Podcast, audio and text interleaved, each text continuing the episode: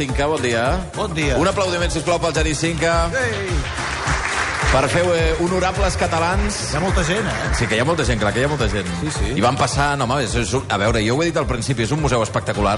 Sí. L'edifici és preciós. Molt maco. I, i home, passaria una estona eh, anar amb les criatures, després fer una visita. Ja sabeu que per la gent que, que vingui eh, nom de rac doncs té l'entrada gratuïta al llarg del, del matí. Ah, o sigui que és una proposta... Recorda que avui és el primer dia de, de festa de les criatures, ja. Esclar. Perquè hi va acabar l'escola. Sí, sí. Ah, és per això que en veig tantes. Va, Sí, va. sí. No, però el lloc és ideal, eh, el lloc és perfecte per venir amb nens. Mm. -hmm. I, I per explicar-los quatre coses ben explicades. Mm. -hmm. Sobre aquesta ciutat i sobre com va funcionar el país, la revolució industrial i per què hi ha tanta quantitat de xamaneies a Terrassa, per Sí. exemple. Perquè tu ara vens per l'autopista sí, sí. i te'n fas creus que com pot ser que 100 anys després encara aquestes xamaneies estiguin tan ben posades i tan rectes i, i dona molta idea de, del que va succeir aquí i de la importància patrimonial que té Terrassa i del per què Terrassa té tanta projecció de futur mm -hmm. i per què és possiblement una de les ciutats catalanes més ben preparades per aquest futur això és així I és així. Tu, com que ets sabadellenc, t'has miris quedat així com callat, però- Home, però- no, jo, però puc, això- jo ho puc reconèixer sense cap tipus Però- de problema. Ho he dit a, a primera hora del matí, em sembla una de les ciutats amb més potencial eh, cultural, econòmic, industrial, Ah, ho has dit, acadèmic. això, ho has dit. Clar que ho he dit. Ho ha dit o no? Sí, sí Val, que ho he dit. val, Sí que ho he dit. I a veure, Sabadell també està bé. Sí, però és molt diferent. És molt diferent. Fa uns O anys sigui, vaig anar a fer el pregó i llavors... Bueno, vaig Vas veure forçat, vaig Ah, veure sí que sí. forçat a dir alguna cosa sobre Sí. Terrassa, perquè si no... Et s'enfaden. les cames. Però bueno, no, no, tot, eh, no sé, al final és una, és una gran conya, això em sembla. O no? No, no, no, no, no, no però no s'ha de mirar en termes de rivalitat. No. S'ha de mirar en termes de complementarietat. Com ho diu, això? Sí, sí, complementarietat, sí, sí. Per què? Primera, perquè són veïnes. I, I tenen aquest punt bessó, és a dir, una ciutat industrial en el seu moment, moltes xamaneies també encara a Sabadell, i que, Moltes, tenen, sí. una, i que tenen una fortalesa, diguem-ne, a tots els nivells molt, molt grans. Sí, ja fas aquella, aquella rialleta. De, val. Però el, el, el personatge que et porto avui Sí. justament demostra tot això que estem dient i el per què va anar a parar aquí aquest arquitecte meravellós, molt desconegut, eh, crec, arreu del territori, però que va ser enormement important per la ciutat de Terrassa i ha fet que aquesta ciutat eh, s'hagi convertit en això que tens aquí al davant. Mm. Tot, possiblement la majoria són terrassencs. Sou terrassencs o no? Sí. Sí. Hi ha algú de Sabadell? Ep, Déu-n'hi-do. Cap allà al Mira, que ja no hi allà. també. Déu-n'hi-do. Bueno, Bé, bueno. jo, jo també m'hi considero ja una Cap mica. sí. Va. Tot a Manresa, però sí, un sabadellenc Manresa, però va, molt bé. Sí, sí. Uh, bé, això ho dic... Uh, ah, m'he perdut una mica. Què deia? Què No, no, no, deies eh, Ah, sí, l'arquitecte que mm, explica per què té Esclar, aquest potencial. Clar, jo sóc de Manresa i aquest arquitecte va néixer a Fals. Fals ara pertany al municipi de Fonollosa i aquest senyor, que és el Lluís Monconill, és el responsable de que un cop arriba a Terrassa es converteix en l'arquitecte municipal, però sobretot, degut al seu gran caràcter, un caràcter fortíssim, això és molt de gent d'abans, eh? caràcter molt fort, gent que, pum, això és el que jo dic i això és el que va a missa.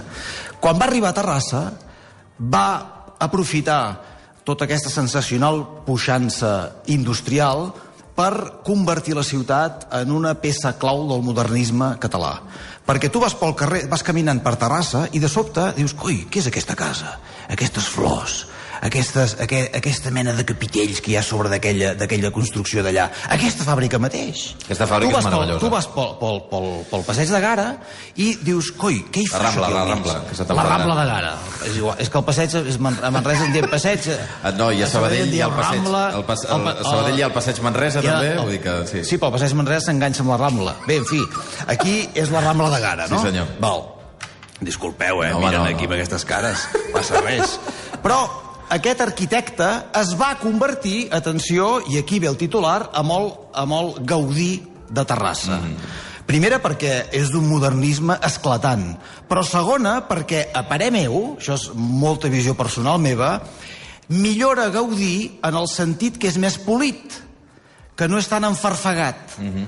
que li disculpa a en Gaudí tota aquesta proliferació, de, tot aquest florejat que a vegades ens sobra, de la Sagrada Família, per exemple, que és una mica excessiu. A Venia. Terrassa això és diferent. Sí. És diferent perquè aquest arquitecte, el Lluís Monconill, aquí no tan sols s'hi va fer com a professional, sinó que es va trobar amb el terreny perfecte d'una ciutat que a finals del 19 va passar de ser un poble pur i dur, un lloc rural on la gent es guanyava la vida plantant enciams, a l'arribada industrial que va fer que aquest senyor comencés a construir una sèrie d'edificis que avui dia són, han fet de la ciutat de Terrassa, atenció, la de titular, una ciutat eh, eh, turística industrial. O sigui, la, la, el turisme industrial. Sí. Molta gent que va a Barcelona a visitar la Sagrada Família, tota aquesta conya marinera, que està molt bé, desconeix, en gran mesura, que la gran ruta modernista es pot fer també a Terrassa. Mm. I t'asseguro que és meravellós.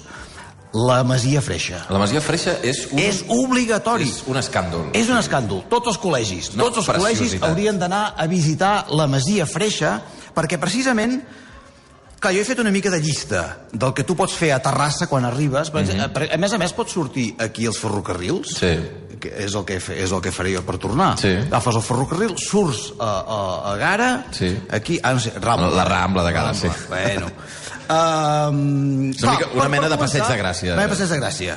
No sé si els agradarà gaire. Bueno, sí, és escolta'm, però vull dir que hi ha edificis modernistes, va trobant amb edificis modernistes. Esclar, o sigui, arribes a Terrassa i et trobes amb un arquitecte que va, no tan sols va transformar la ciutat, sinó, i, i això- aquesta és la línia que, que avui voldria explicar a tots aquests nens que tenim aquí davant, perquè entenguin perfectament que ens trobem en un lloc que pedagògicament ens ha d'ajudar molt aquest futur que tant parla, eh? que això, que aquest matí fa, parles de sostenibilitat, Mhm. De cap futur, on sí, sí. anirem, eh? has dit amb aquest senyor que hi havia aquí, cap on anirem? Bé, doncs hem d'anar justament cap al que ens ensenya aquest passat. I el que ens ensenya aquest passat és un senyor que va arribar aquí, arquitecte, i va veure l'oportunitat d'afegir aquell ambient gris, industrial, de vapor, fum... Fa un soroll aquí fora, quan els nens proven aquestes màquines, horrorós. sí, sí. Que era el soroll que feia aquí. Tots aquells treballadors estaven sords. I els, I els jefes també, els amos també. Tothom estava sort aquella època, perquè això feia un soroll horrorós.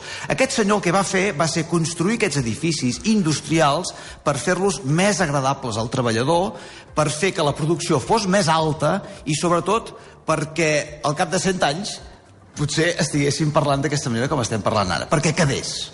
La gent es mor, però el patrimoni queda. I això és molt important.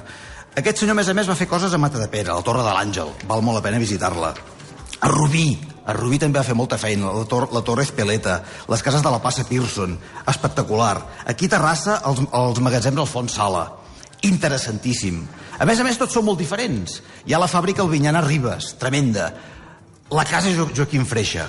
La, cosa, jo- la, la masia Freixa actual, allò era una fàbrica.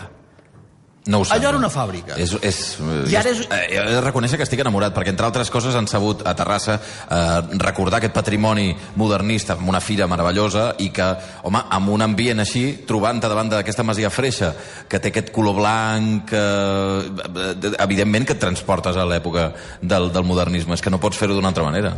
Tu ara vas una miqueta més avall d'on som ara i et trobaries la casa Sant Martí. Després, el convent de les germanes Josefines, les Josefines, a Terrassa. És sensacional, perquè allà t'adones del que va fer aquest senyor, a més a més, en tot el que és el material. D'aquest portar més enllà aquesta forma gaudiniana de l'exageració de les formes. Més, més, una cosa molt més gòtica. Mm -hmm. val? Aquí, el Montconill, com que és d'aquella zona central del Bages, m'agrada pensar que és així, és més sec és més, és més polit. Mm. Té unes formes molt més simples a l'hora de- d'explicar les coses. I, I aquí és on, que és on m'interessa de parlar d'aquest personatge, que és la seva vida personal. Com era aquest senyor? D'on venia? Quines il·lusions tenia? Com va acabar la seva vida? Per cert, va morir d'atac de cor. Mm. Morir d'atac de cor vol dir moltes coses. Vol dir un patiment intern fort, una gran tensió, en aquest cas professional. Perquè aquest senyor, el Lluís Monconill, era tan avançat i tan atrevit que el van fer fora quan era, el van fer fora de l'Ajuntament quan treballava com a arquitecte municipal. El van fer fora però no van poder. El van fer fora però va seguir treballant a Terrassa a nivell més particular d'aquests encàrrecs dels industrials que li feien aquests encàrrecs tan particulars hi havia molts calés, es podien fer, per tant, la ciutat no es va poder desprendre d'un home que ja des de l'inici com a arquitecte municipal estava fent coses que deia, però què fa aquest tio? Ens ha, li han demanat una fàbrica. No ens munti aquí tantes floretes i tantes històries. És fantàstic. Era un arquitecte que anava més enllà de la funcionalitat. A més a més de voler-ho fer maco, també t'ho feia pràctic. I això, i això, té, i això té un gran valor. Això Aquí el, el que és sorprenent, o no deixa de ser sorprenent, però vaja, en aquest país i amb una secció com la teva, que fa eh, 6 o 7 anys que ho anem fent, és la capacitat de crear eh, genis o, o, o personatges importants, obra transcendent, i que ningú sàpiga que existeix. Bé, clar, aquí està el drama. Els terrassencs, evidentment, ho saben, els Bé, però sabadellencs tot això- tot eh, no ho diem, però també ho sabem, I, i la resta del país ho sap. Punt clau del Lluís Monconill. I, I també és punt clau del modernisme. Aquesta aproximació a la natura fer que tot el que tu fas a la vida tingui una repercussió en el que ets tu mateix, que en aquest cas és el cos humà. Per exemple, quan vostès entren en aquest edifici, en aquesta fàbrica enorme, que per cert, tota el la vapor base... Aimeric, sí, És sí. immens, això, eh? Mm. No tocaves. Perquè... No, abans hem pujat fins a la, fins a la, diguem-ne, a la màquina de vapor i hi ha aquella imatge que t'imagines dels patrons no sortint i veient eh, tota la fàbrica des de dalt, que, que arriba un punt que no saps si allò que estàs veient és al final o no, i és enorme. O sigui, és un espai descomunal. Val, has de veure l'interior d'un cos humà. O sigui, tota la, tot el tractament dels arcs parabòlics, tot el tractament del ferro colat, aquestes columnes internes, que tu fa que quan passeges per aquí dintre no hi topes. Mm. D'acord que l'extensió és, és àmplia, però el que ell volia és que els treballadors, mentre es moguessin per dins de la fàbrica, no, ting no tinguessin obstacles. Mm. I això, això és molt difícil d'aconseguir. I com ho fa? Ho fa dient les travesses de ferro que necessito per unir aquests arcs parabòlics, que és... Estem parlant del, estem parlant del mestre de la volta catalana. Mm. Estem parlant d'un senyor que en una fàbrica et fa la volta catalana. Això és molt gran. Amb un tractament del maó que és diferent. No el posa de canto, el posa de cara, el posa pla. Mm -hmm. Això fa que tota aquesta volta, que tot aquest arc parabòlic sembli més ampli del que en realitat és. Per què? Això és un pulmó. I els arcs i, la, i, la, i aquests filets de ferro que uneixen aquests arcs són els tendons. I les columnes de ferro colat que hi ha allà al mig són els ossos. Quan jo et miro a tu, veig un senyor... Compte, eh? Ara m'he posat en un jardí. no, però eh, jo no et Sí, veig els ossos. No, clar. Però els tens. Mm. I són, i són part fonamental del teu ésser, l'esquelet. I això és el que és aquest arquitecte. L'esquelet d'una musculatura immensa, amb aquest soroll tremend que feia aquí fora, mm. aquesta llana que t'han explicat que feien aquí, Sí. això va vestir eh, molts soldats de la Primera Guerra Mundial. Va, van acabar vestint aquesta gent. Es van fer enormement rics. Sí, absolutament. Arrel d'aquesta riquesa, tots aquests industrials van poder escometre tota una altra sèrie de cases eh, ja més particulars i d'altres fàbriques a Terrassa. Això, a través d'aquestes fases, Terrassa es va anar es va anar fent una història que és el que tots els països busquen, és el que totes les, totes les essències busquen, tenir una història. I- i fins i et dius- i per això un- tu dius un relat. que- Un relat. Bé, Un relat sobre què és la ciutat, no? aquí estem, aquí estem. M'estic empatullant massa o què? No, Eh, Però tira. és que és inter... jo trobo interessant, eh? O sigui, aprendre a que quan entreu... Ara vostès quan surtin, imaginin-se l'interior d'aquest cos humà. I la, la gran perícia d'aquest arquitecte a l'hora de confegir tot això i, atenció, que t'ho deixin fer. Mm -hmm.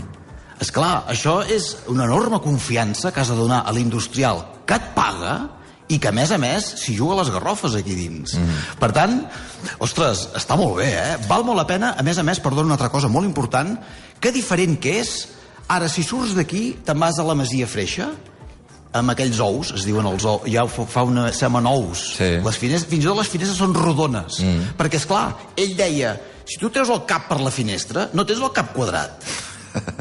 El cap és rodó. O sigui, en teoria, la finestra ha de resseguir la forma del cos humà. Els angles rectes són aspres. Per què els edificis han de ser I no existeixen han de ser a la quadrats? natura, no? El cos humà no és així. Mm. No som així. Per tant, aquest arrodoniment de la vida, del lloc on vas a patir, que és a la fàbrica, perquè aquí la gent s'hi deixava l'esquena, eh? Mm. No és com ara que, ai, no, ja agafes la baixa. No, bueno, ja m'enteneu, eh? Aquí no hi havia baixes ni res. Aquí mories a la fàbrica, directament. I això, aquest, aquest, aquest patrimoni també és humà. Entens? Aquesta semblança humana també fa que aquest senyor tenia una gran sensibilitat pel benestar de la gent. Per què? Perquè ell venia d'una família bona, però sabia molt bé que era passar-s'ho malament. Aquest senyor va estudiar als, Ignaz, als ignasians de Manresa, duríssims, eh? A l'època, eh, anar a l'escola de Sant Ignasi a Manresa a final del segle XIX, allà a Manresa fa un fred. Mm. No t'ho pots imaginar, eh? Jo encara ara, a l'hivern... No, no, a, a Manresa això- fa un fred. No, Estudiar... no se't posa la pell dura eh, i al final de, del fred? A mi no. D'acord. A mi no, no sé, m'ha anat invers el procediment. Però, m'entens? O sigui, hem d'entendre que aquest personatge eh, és interessant eh, eh, veure'l des de, des, des de la solidesa del que ara ens ha, ens ha deixat, per entendre bé que aquí al darrere hi ha un, eh, allò que diuen, no? hi ha un petit cor que, que sentia i pensava i es preocupava pels altres. Entens? Que diferent que és, per exemple, aquesta sala, Sí. que, és, que és freda. Sí. No té res a veure això amb, amb aquest vapor. Mm. Ho veiem? Sí, sí. Per tant, el futur no ha d'anar cap aquí. Mm. Hauríem de- d'entendre millor aquests personatges que van intentar que tot fos, més agradable a la vista. Escolta'm, és com quan tu te'n vas... Hi ha una construcció d'aquestes, ara no sé quina és, que amb una de les façanes... Ah, sí, és clar, l'Ajuntament. L'Ajuntament! És que aquest senyor va refer la façana de l'Ajuntament, de manera que tu ara vas a veure l'Ajuntament, quan tu vas a l'Ajuntament no és per coses bones. és veritat. O sigui, vas a l'Ajuntament... Ah, aquesta senyora diu que sí. També? També. Val. Què diu? Un casament... Ah, bueno, un Esclar, que casament. es casen a les... És veritat, és clar, clar, clar. Un casament... Té raó, perdoni. Sí, però totes maneres... És igual. Doncs La majoria de vegades és anar a buscar un paper que no sé què vol, que Paper, l'altre no sé què, eh, li posa un tampó... A, casa, em falta... a mi sempre em falten coses. Jo vaig a la... Què diu? Pels papers Ah, has d'anar darrere. Clar, té raó. Val. Bé, escolti, és igual, és igual. La fitxarem, senyora. El que va fer el Montconill, sap què va fer? Li van encomanar, li van encomanar la, la, refer la façana mm. de l'Ajuntament de Terrassa vostè precipitis ràpidament quan surti d'aquí, vagi corrents a l'Ajuntament. Ah, no, ja ho té vist. Com diu? I passa cada dia. Hi passa cada dia. I el, què? Aquesta façana no li sembla... És diferent. És una façana que resumeix tot Lluís Montconill. Per què? Perquè hi ha tot, tota, aquesta, tota aquesta intenció humanitzadora de l'edifici. Per dintre després deu, ser com, deu anar com, com va anar, o deu anar com vol, Després o, o ja- l'Ajuntament. Després ja a dintre ja feu el que vulgueu. Però, Però per fora, com a per mínim. fora, la, la intenció inicial ja fa que vagis a fer papers diferent. Mm. O sigui, i això és Montconill. Ho veus? Hi ha uns efectes florals, hi ha, tot una, hi ha tota una decoració que no és excessiva. Mm. Aquí el Gaudí t'hagués fet allò que fas a la platja amb, Però, amb veure, les pastetes gent- de, ha de, de la sorra molla. Hi ha gent que diu que si la Sagrada Família és una mona de Pasqua, això ho he sentit jo. Però no és veritat. Eh, No, a mi m'agrada molt, per però què? bueno, hi ha gent que Saps no li per agrada. Què? Saps per què? La mare que... Saps per què? Com t'atreveixes a trepitjar el nom de Gaudí a aquesta ràdio? Saps No ho he per dit què? jo, estic reproduint paraules d'altres. Ja, ja t'entenc. Saps per què? Perquè la majoria que diu això no hi ha entrat. Això també és veritat. No ha entrat a dins de la Sagrada Família. Quan entres a la Sagrada Família és una, és un, és una experiència artística important, eh? Mm. Perquè t'adones de la bestialitat del que va imaginar aquest senyor i una cosa que era més bèstia, que s'esti- que s'estigui acabant. Sí. Que em sembla un miracle autèntic. El miracle està aquí. Les 12 i 32 minuts ho ja. deixarem aquí, Genís. Pues sí, no he volgut fer res. Ja s'està Però queixant. si ara, Mira, que no, ves, començat, no he començat el guió. ves a l'Ajuntament de Terrassa i eh, et queixes allà. Bueno, com, ho heu entès o no? És, és maca aquesta S'ha entès o no? Sí, Perquè- ara farem repetir. perquè- S'ha entès? Val, val. 12 i, 12 i 32 minuts. Genís Cinca, moltíssimes gràcies. adéu, Ara els ferrocarrils, eh? Sí, sí. Adéu.